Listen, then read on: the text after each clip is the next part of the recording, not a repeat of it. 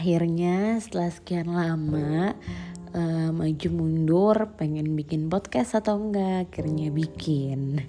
Ya, jadi uh, beberapa waktu yang lalu sempet kayak pengen bikin bareng Novan, tapi kayaknya Novan kurang suka kalau harus bikin podcast dan uh, pernah juga beberapa kali pengen bikin dengan teman-temanku yang pikirannya amazing cara berpikirnya terutama tapi ternyata nggak jodoh baik di waktu maupun uh, audio toolsnya karena kita yang lokasinya berjauhan.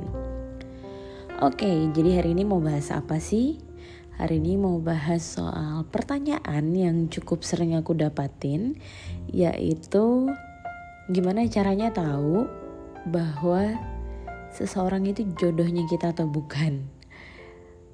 Nah ini agak hmm, aku nggak nggak bisa jawab juga sih karena kita nggak akan aku rasa kita nggak akan pernah tahu siapa jodoh kita apakah benar dia yang terbaik. Tapi uh, mungkin yang bisa aku share ini cuman kisi-kisi untuk bikin uh, gimana ngomongnya ya?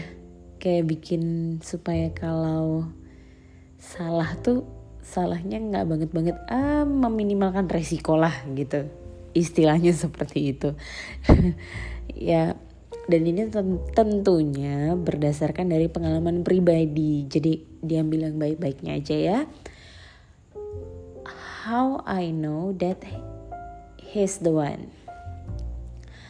Mungkin yang pertama uh, aku sendiri, aku pribadi percaya ada sebuah bahasa di dunia ini yang menghubungkan kita dengan semesta.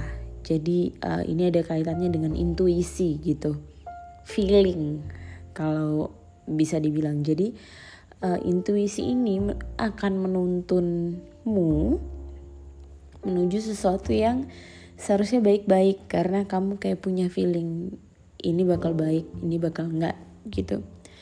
Dan uh, ketika aku bertemu dengan Novan yang terjadi adalah seperti itu. Aku merasa kayak aku punya intuisi kalau aku nggak akan dapat kesempatan kedua untuk ketemu orang macam dia gitu yang yang yang somehow complete me well almost perfectly karena nggak ada yang sempurna ya kesempurnaan milik Tuhan.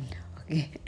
nah uh, jadi uh, yang pertama intuisi ini yang menuntunku akhirnya milih Novan. Nah kalau boleh cerita sedikit sebenarnya kenapa sih uh, kok aku kayak mendam-mendambakan si intuisi ini? Karena aslinya aku itu orangnya takut untuk menikah. Ya, takut banget. Kenapa sih kok bisa takut? Karena aku memproyeksikan pernikahan itu sebagai sesuatu eh, yang sangat bahagia, hubungan yang harus bahagia lebih tepatnya. Tapi kenyataan yang aku lihat tidak seperti itu dan mungkin yang kalian lihat juga juga tidak seperti itu sehingga menikah pun terasa menakutkan untukku. Ya, aku nggak akan bahas gimana caranya akhirnya aku memutuskan untuk menikah, tapi uh, ini cuma sebagai gambaran bahwa untuk nikah aja aku takut ya, apalagi untuk menentukan pasangan hidup gitu. Nah, uh, dan proses intuisi saja karena ketakutan ketakutanku tadi aku tidak lantas menganggap intuisiku adalah um, penuntun satu-satunya gitu. Aku menganalisa soal apa yang kira-kira uh,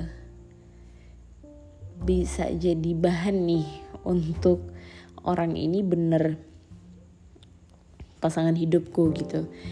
Aku menggali menggali menggali dan sampailah aku pada suatu keputusan bahwa untuk memilih pasangan aku akan milih orang yang bisa punya value yang aku nggak punya atau setidaknya value yang aku udah berusaha pelajari bertahun-tahun tapi aku nggak punya atau uh, aku berprogres tapi progresku lambat gitu. Misalnya kalau ada di antara kalian yang mungkin orangnya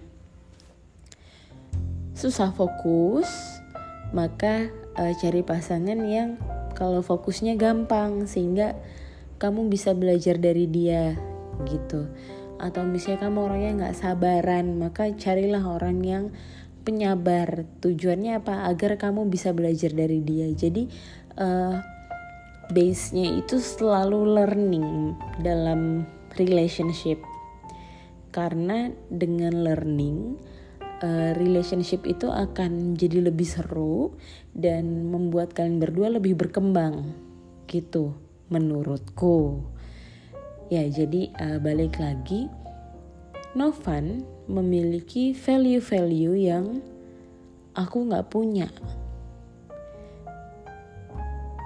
dan uh, kalaupun aku berusaha belajar seperti yang aku bilang tadi progresku sangat-sangat lambat. Apakah itu? Salah satu yang bisa aku share adalah kemampuan untuk bilang cukup ketika kamu nggak mampu. Atau kemampuan untuk berhenti dulu ketika kamu belum bisa dan itu sesuatu yang buatku benar-benar mahal. Mahal kenapa? Karena untuk sadar itu saat itu 23 tahun hidupku aku nggak bisa-bisa. Aku nganggepnya kalau aku usaha pasti aku bisa. Dan ternyata aku nggak bisa. Gitu.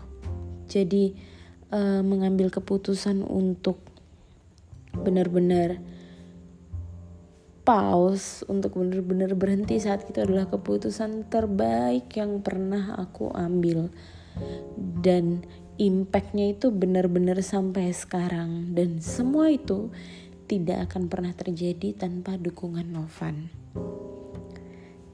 Kalau aku nggak ketemu Novan, aku nggak tahu aku harus ketemu siapa lagi untuk bisa belajar hal ini. Ya, jadi kira-kira uh, begitu yang kalau dari aku semoga bisa mencerahkan, semoga bisa jadi ya bahan belajar yang diambil baik-baiknya aja gitu. Oke, okay, thank you so much udah dengerin. Uh, see you on the next podcast. Bye.